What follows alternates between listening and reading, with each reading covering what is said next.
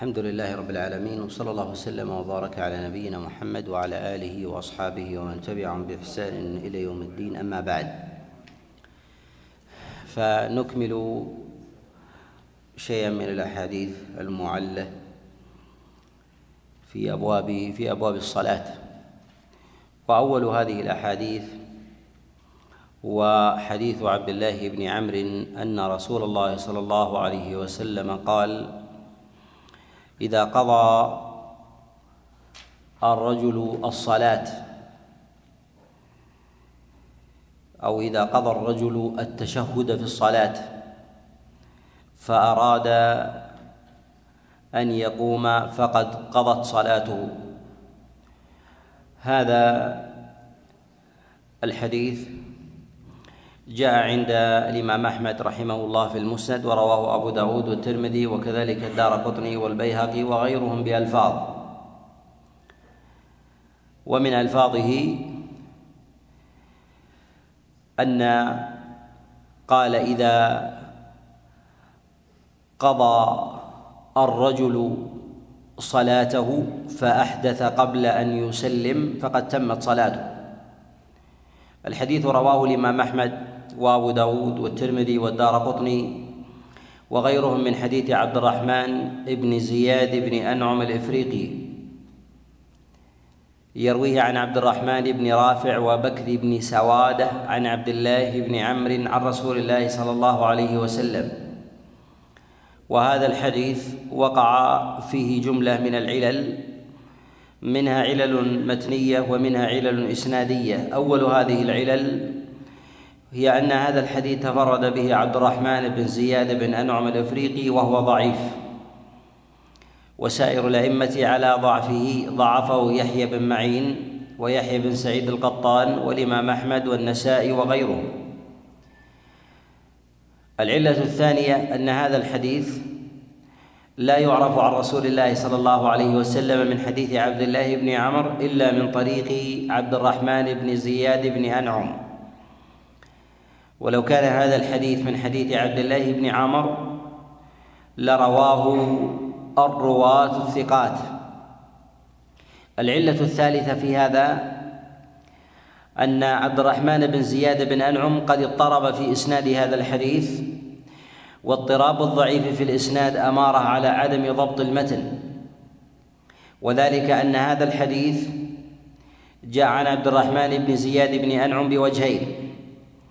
يرويه عبد الرحمن بن زياد بن أنعم الإفريقي عن عبد الرحمن بن رافع وبكر بن سوادة عن عبد الله بن عمر وهذا اسناد إسناد الباب الأصل.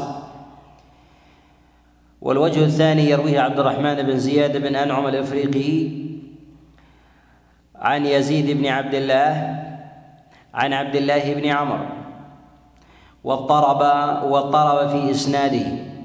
ولهذا يقول الترمذي رحمه الله لما أخرج هذا الحديث في كتابه السنن قال هذا الحديث ليس إسناده بالقوي وقد اضطرب في إسناده يعني عبد الرحمن بن زياد بن أنعم.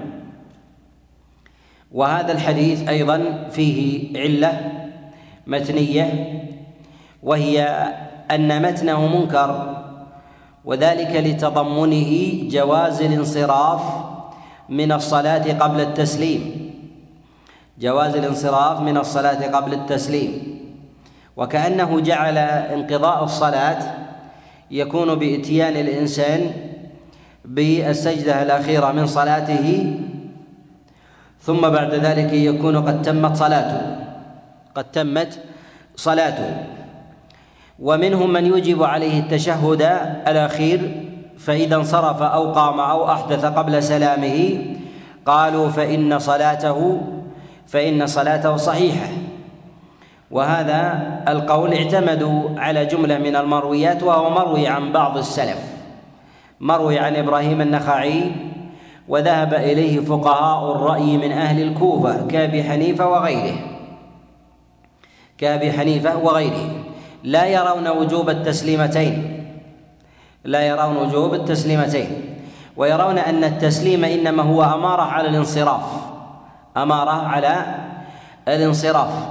فإذا صلى الإنسان وتشهد ولم يسلم فقام أو أحدث أو التفت أو اعترض له ناقض من النواقض في الصلاة قالوا فصلاته صحيحة. قالوا فصلاته فصلاته صحيحة. وهذا وهذا منكر. وذلك لمخالفته للأحاديث المستفيضة عن رسول الله صلى الله عليه وسلم. وذلك بالتسليم. ومنها ما جاء في حديث عبد الله بن مسعود وابن عباس وغيرهم. قال تحريمها التكبير وتحليلها التسليم. وجاء هذا مرفوعا وموقوفا من طرق متعددة. وهذا المعنى مستفيض.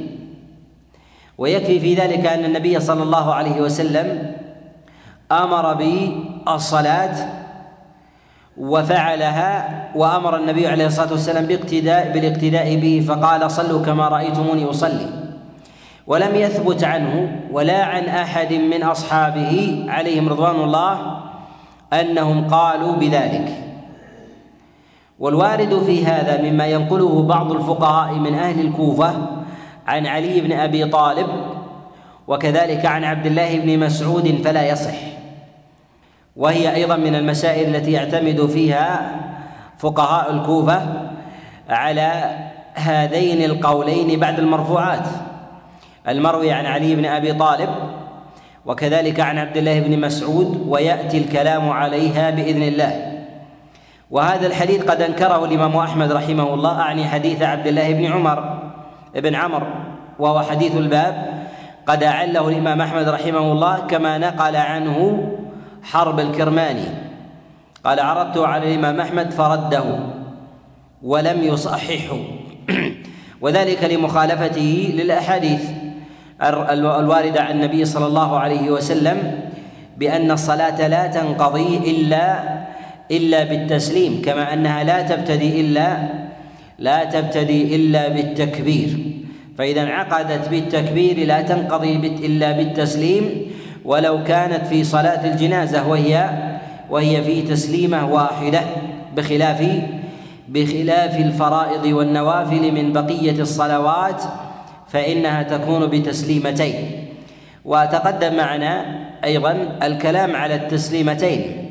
وأنه لم يثبت عن رسول الله صلى الله عليه وسلم الأمر بالتسليمة الثانية ولم يثبت عن النبي عليه الصلاة والسلام أيضا القول بالاكتفاء بالتسليمة الأولى وإنما هو عمل وإنما هو عمل. ولهذا ينقل بعض الفقهاء الاتفاق على أن التسليمة الثانية ليست بواجبة ليست بواجبة وأن الانصراف يكون بالتسليمة الأولى أن الانصراف يكون بالتسليمة الأولى. وتقدم معنا أيضا تقرير أن التسليمة الثانية سنة وأن الالتفات سنة وأن الالتفات سنة وأن الواجب في ذلك هو النطق بالتسليم هو النطق بالتسليم. تقدم معنا الإشارة إلى الإشارة إلى هذا وأنه قد ثبت عن جماعة من السلف انقضاء الصلاة بتسليمة واحدة. انقضاء الصلاة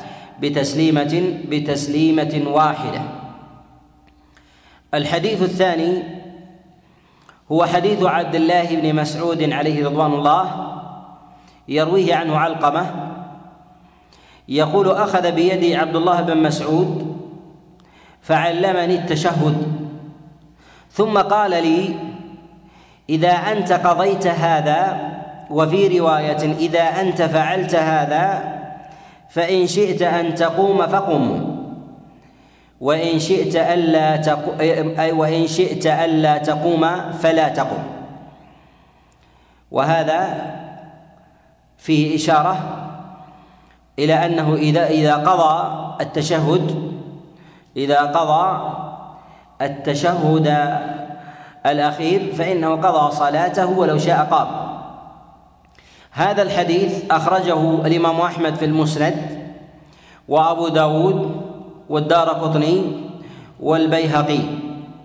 جاء من حديث زهير بن معاوية عن الحسن بن الحر يرويه عن القاسم بن مخيمرة عن علقمة عن عبد الله بن مسعود عن رسول الله صلى الله عليه وسلم.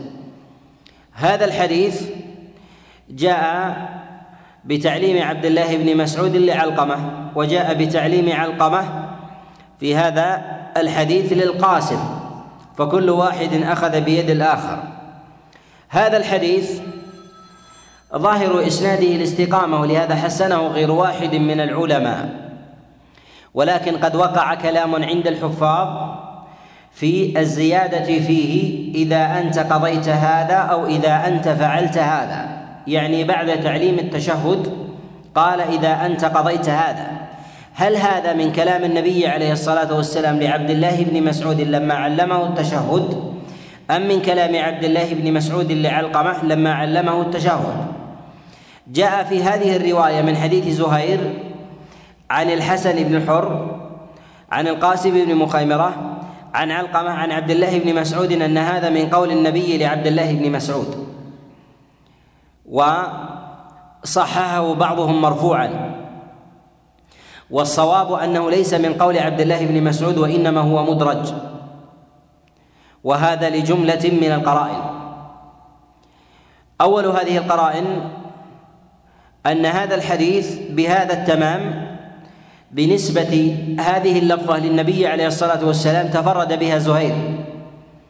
بروايته لهذا الحديث عن الحسن عن القاسم عن علقمة عن عبد الله بن مسعود عن النبي صلى الله عليه وسلم. وخالفه في ذلك غير واحد. وخالفه في هذا غير واحد ممن يروي الحديث في هذا عن الحسن أو يروي الحديث في هذا عن علقمة وذلك أنه قد رواه عن الحسن ابن الحر جماعة من الرواة.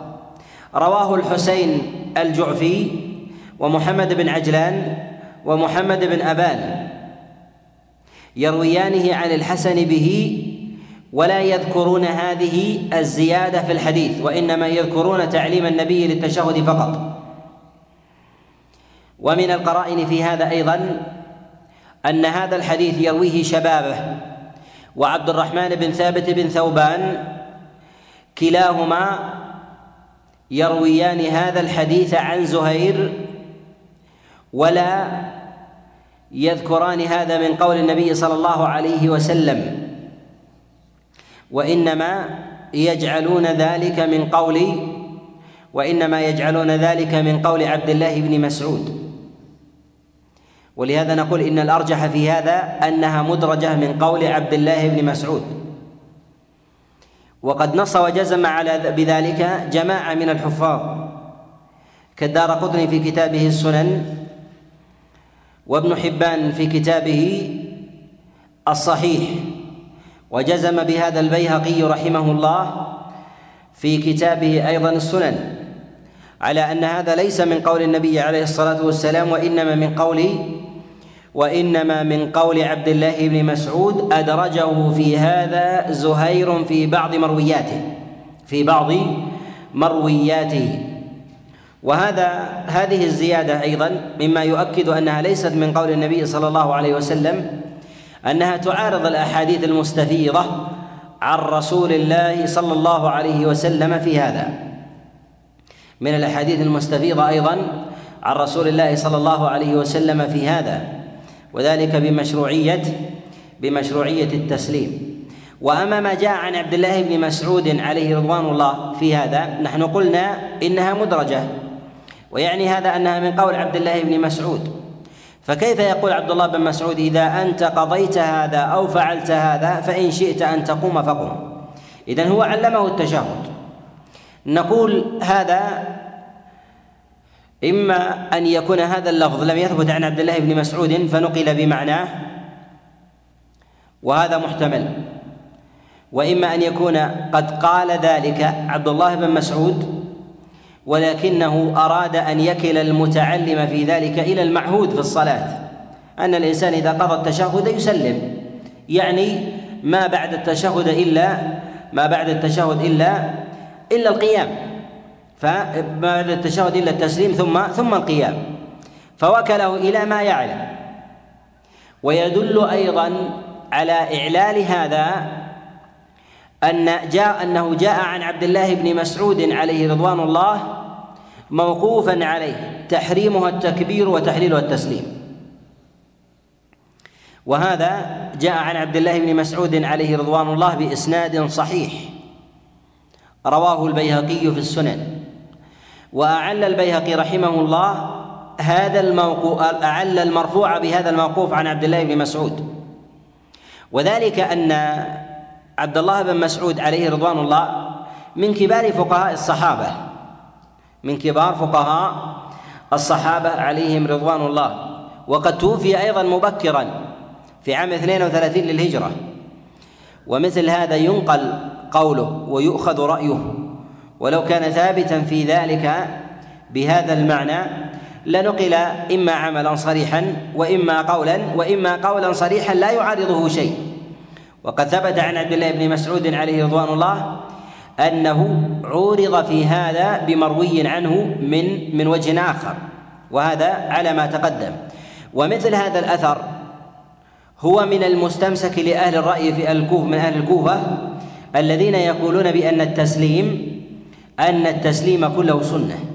أن التسليم كله سنة فلو انصرف الإنسان بعد التشهد فلا بعد التشهد فلا شيء عليه. وجوابه في ذلك أنه جاء عن عبد الله بن مسعود ما يعارضه أيضا وجاء أيضا القرينة الأخرى في هذا وهي أنه يحتمل أنه روي عن عبد الله بن مسعود المعنى أي أنه إذا فعل هذا قام.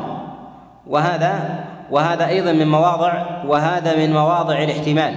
فلا يؤخذ بألفاظ الإجمال التي ترد في الكلام المرفوع ولا في الموقوف أيضا على جماعة من الصحابة ويترك النص القطعي في ذلك ويترك النص القطعي القطعي في ذلك البين كما جاء في حديث عبد الله بن مسعود تحريم والتكبير والتحليل والتسليم.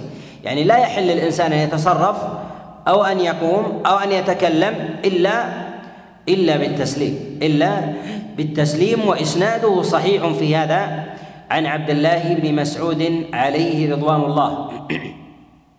الحديث الثالث هو حديث عبد الله بن عباس عليه رضوان الله أنه قال قال رسول الله صلى الله عليه وسلم إذا رفع أحدكم من السجدة يعني الأخيرة ثم أحدث فقد تمت صلاته هذا الحديث جاء أيضا بألفاظ. أخرجه أبو نعيم في كتابه الحلية وأخرجه البيهقي في كتابه السنن من حديث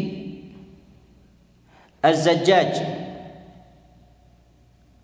أبو مسلم وهو عبد الرحمن يروي هذا الحديث عن عمر بن ذر عن عطاء عن عبد الله بن عباس عن رسول الله صلى الله عليه وسلم. وهذا الحديث أيضا معلول بعدة علل. أول هذه العلل أن هذا الحديث تفرد بإسناده أبو مسلم الزجاج موصولا. وهو وهو مضعف.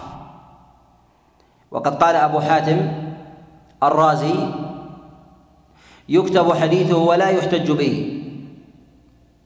وقد تفرد بهذا الحديث فجعله موصولا. العلة الثانية في هذا أن هذا الحديث جاء من وجه آخر مرسلا من حديث عطاء يرويه خلاد بن يحيى. يرويه خلاد بن يحيى عن عمر بن ذر عن عطاء مرسلا عن رسول الله صلى الله عليه وسلم. وخالف في ذلك الزجاج. وخلاد أوثق من الزجاج. وقد وثقه غير واحد من الرواة كيحيى بن معين وغيره. والمرسل في هذا أشبه. وقد جاء من وجه آخر أيضا لم يرد موصولا من حديث يحيى بن بكير عن عمر الزجاج عن عمر بن ذر ولم يسنده ولم يسنده عن رسول الله صلى الله عليه وسلم. فدل على أن هذا الحديث ليس بموصول. العلة العلة الثالثة في هذا أن هذا الحديث يتضمن إسقاط للتشهد. يتضمن إسقاط للتشهد. وليس اسقاطا للسلام فقط. وإنما الإنسان إذا سجد السجده الاخيره من صلاته ثم رفع فصلاته حينئذ تامة فله أن يقوم. ولو اعترضه ناقض فصلاته صحيحة. وهذا منكر. وهذا وهذا منكر. وأيضا العلة الرابعة في هذا أن هذا يخالف فقه عبد الله بن عباس عليه رضوان الله. يخالف هذا فقه عبد الله بن عباس عليه رضوان الله تعالى. فإن عبد الله بن عباس وكذلك أيضا المعروف من فقه أصحابه القول بوجوب بوجوب التشهد. ومعلوم أنه من قرائن الإعلال أن الحديث إذا جاء مرفوعا أن الحديث إذا جاء مرفوعا ثم جاء ما يخالفه موقوف وراويه واحد فإن الموقوف يعل المرفوع. وإعلال وإعلال المرفوع براويه الصحابي أقوى عند المخالفة من إعلاله بالتابع. وكلما تأخر فإن العلة في ذلك تضعف فإن قرينة الإعلال تضعف. ولهذا مخالفة الصحابي للحديث الذي يرويه أقوى من إعلان الحديث بتابعي يخالف حديثا يرويه عن النبي عليه الصلاة والسلام. وتابع تابعي أيضا يخالف حديثا يرويه عن النبي عليه الصلاة والسلام أضعف في مرتبة الإعلال من الحديث من الحديث المرفوع ممن كان ممن كان قبله في حال المخالفة. ومن قرائن الإعلال التي نشير إليها في هذا أن فقه الراوي الذي يأخذ به أصحابه ولو لم ينقلوه عنه أيضا قرينة على الإعلال قرينة على الإعلال ولو لم يكونوا في الإسناد ولو لم يكونوا في الإسناد. فالمعروف عن عبد الله بن عباس عليه رضوان الله والبلدان التي جاءها وله تلاميذ فيها وذلك كالمدينة ومكة والبصرة. فإن أصحاب عبد الله بن عباس عليه رضوان الله الوارد عنهم في التشهد هو القول القول بالوجوب القول بالوجوب. ولو كان عند عبد الله بن عباس عليه رضوان الله شيء من هذا الفقه فإنه ينقل فكيف؟ والحديث في ذلك يروى مرفوعا. بعضهم يقول بأن الصلاة ابتداء كانت مشروعة ولم يشرع فيها التسليم ولم يشرع فيها التسليم. فكانت الصلاة بالتشهد ثم ينصرف الإنسان من غير سلام من غير سلام. جاء في ذلك حديث مرفوع. عن عبد الله بن عب عن عن, عمر بن الخطاب عليه رضوان الله وهو ضعيف رواه الإسماعيلي.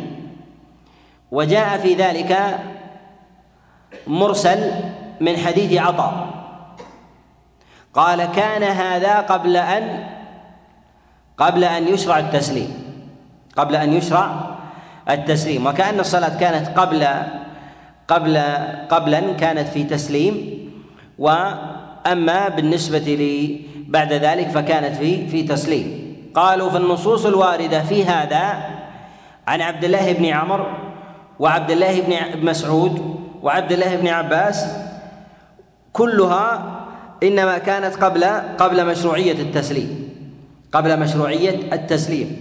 وهذا مردود وهذا مردود. لماذا؟ أن الصحابة عليهم رضوان الله أفقه من أن يرووا حديثا منسوخا يناقض شيئا مستفيضا ثابتا عن النبي عليه الصلاة والسلام ولا يبينوه للرواة خاصة أن عبد الله بن مسعود لو صح عنه ذلك المروي السابق يحدث بهذا علقمة وتحديثه له قطعا متأخر وتحديثه له قطعا يكون متأخرا ولو كان علقمة من كبار من كبار التابعين. من كبار التابعين وذلك أنه لو علم علقمة أن هذا منسوخ ما بقي لديه ويرويه ويرويه للقاسم.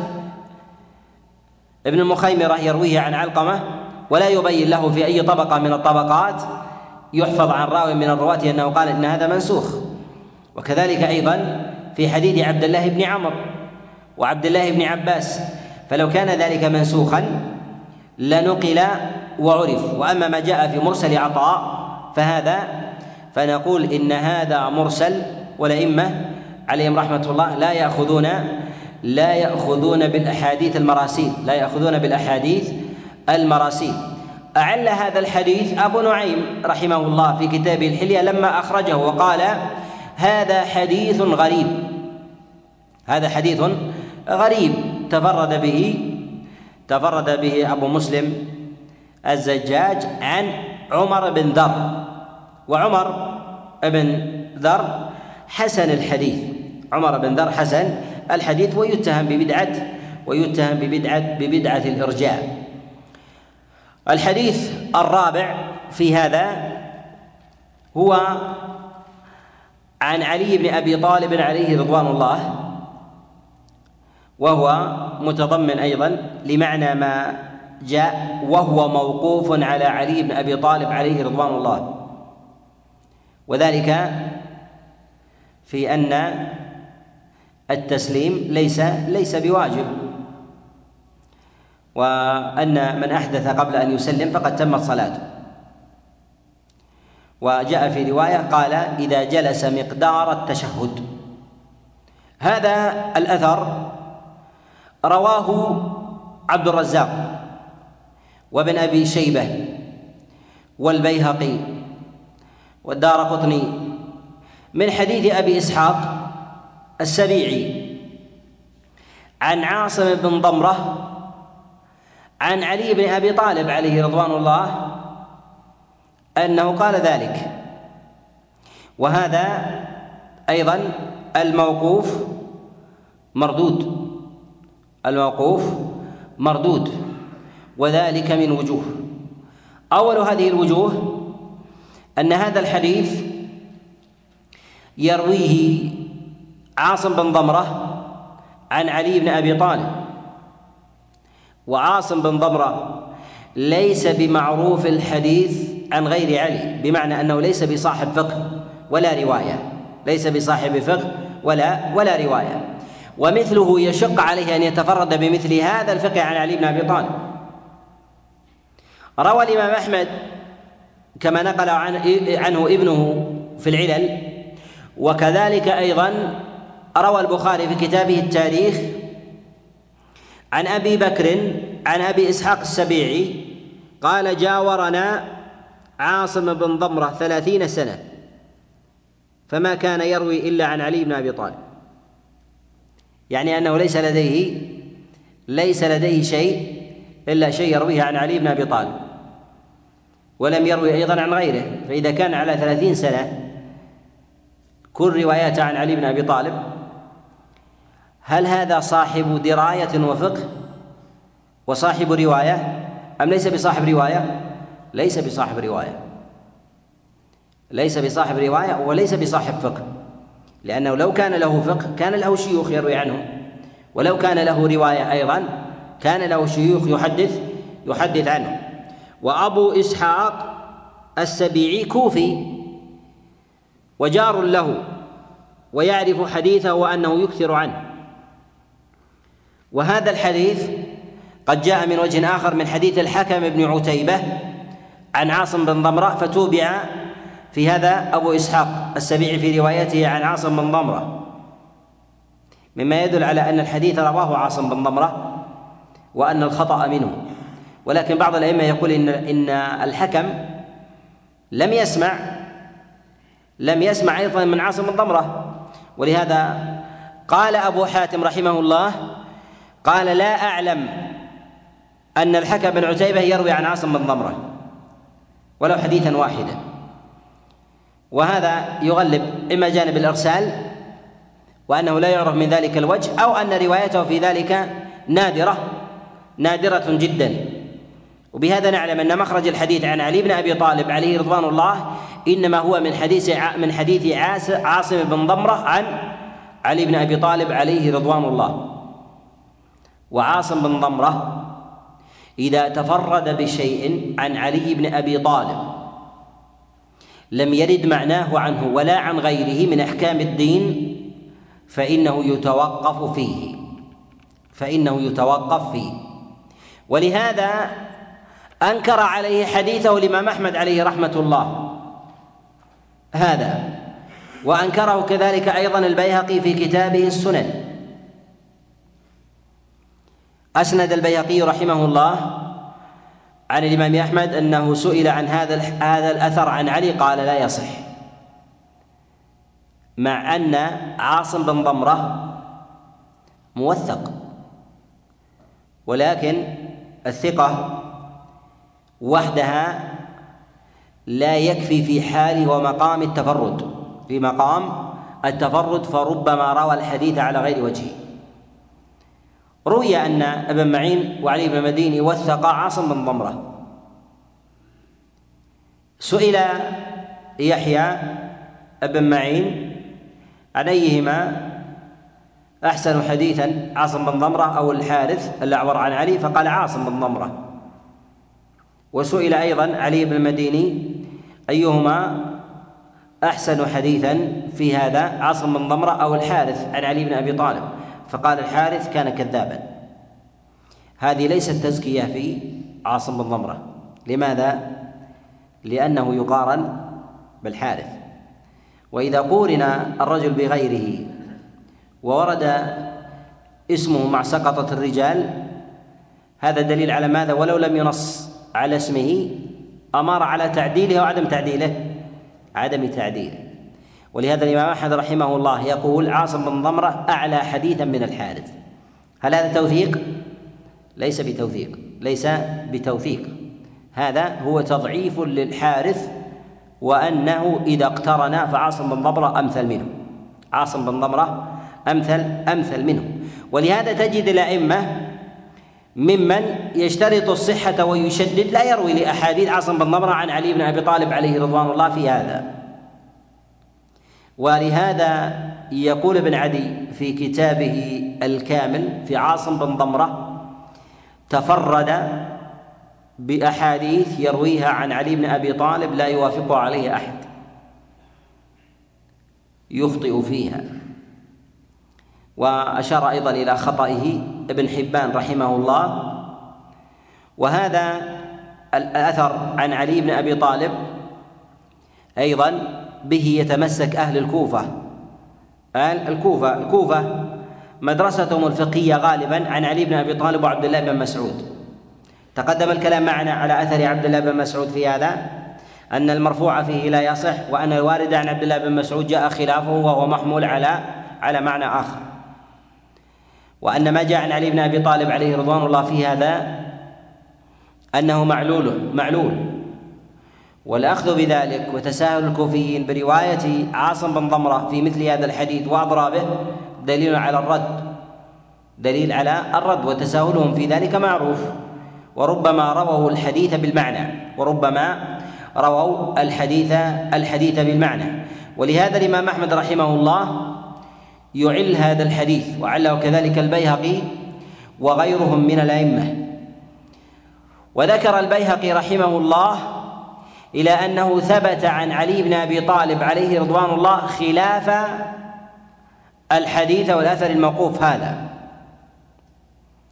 وأعله به وأعله بالثابت عن عبد الله بن مسعود أيضا عن النبي عليه الصلاة والسلام. وهنا أيضا قرينة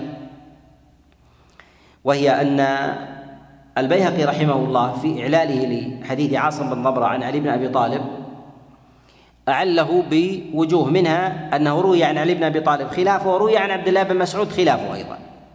روي عن عبد الله بن مسعود خلاف هذا. فما شأن عبد الله بن مسعود بأثر علي؟ نقول هما من مدرسة متقاربة. من من مدرسة متقاربة في الفقه. وكذلك أيضا فإن تلاميذهم في ذلك في من مدرسة متقاربة وهي المدرسة الكوفية.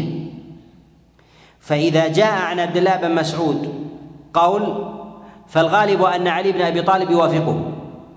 وإذا جاء عن علي بن أبي طالب قول فالغالب أن أن أنه جاء عن عبد الله بن مسعود ما يوافقه. وإذا جاء عن عبد الله بن مسعود ما يخالف قول علي وجاء عن علي ما يخالف قول عبد الله بن مسعود في وجه من الوجوه فهذا أمارة على نكارة وعلة أحد الوجهين.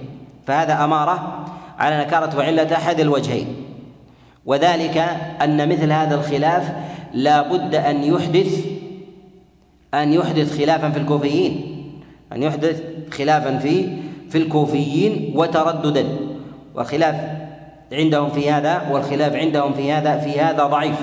خلاف عندهم في هذا في هذا ضعيف. ولهذا نقول إن من من من قرائن إعلال أثر علي بن أبي طالب عليه رضوان الله في هذا هو ما جاء عن علي بن أبي طالب فيما يخالف هذا وجاء أيضا عن عبد الله بن مسعود عليه رضوان الله ما يخالف ما يخالف هذا.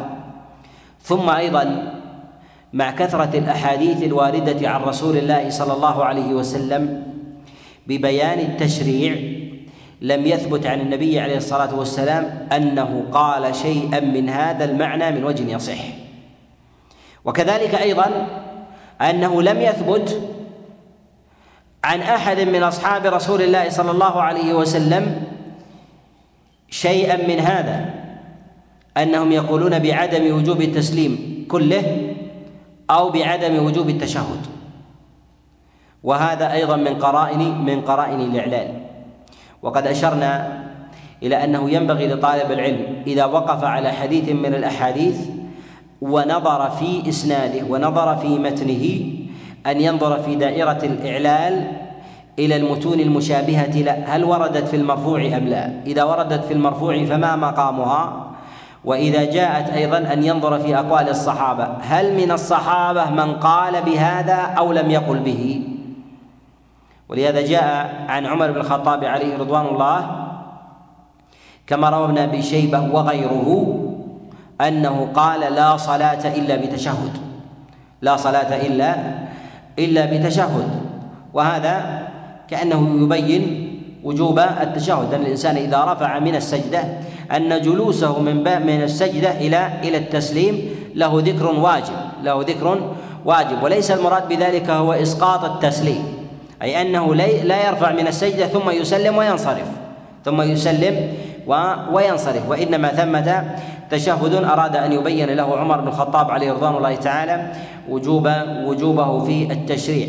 وهذا إذا لم يثبت عن أحد من الصحابة أيضا من قرائن فهذا من قرائن من قرائن الإعلان. ويذهب إلى هذا القول جماعة من العلماء كالإمام الشافعي والإمام أحمد عليه رحمة الله.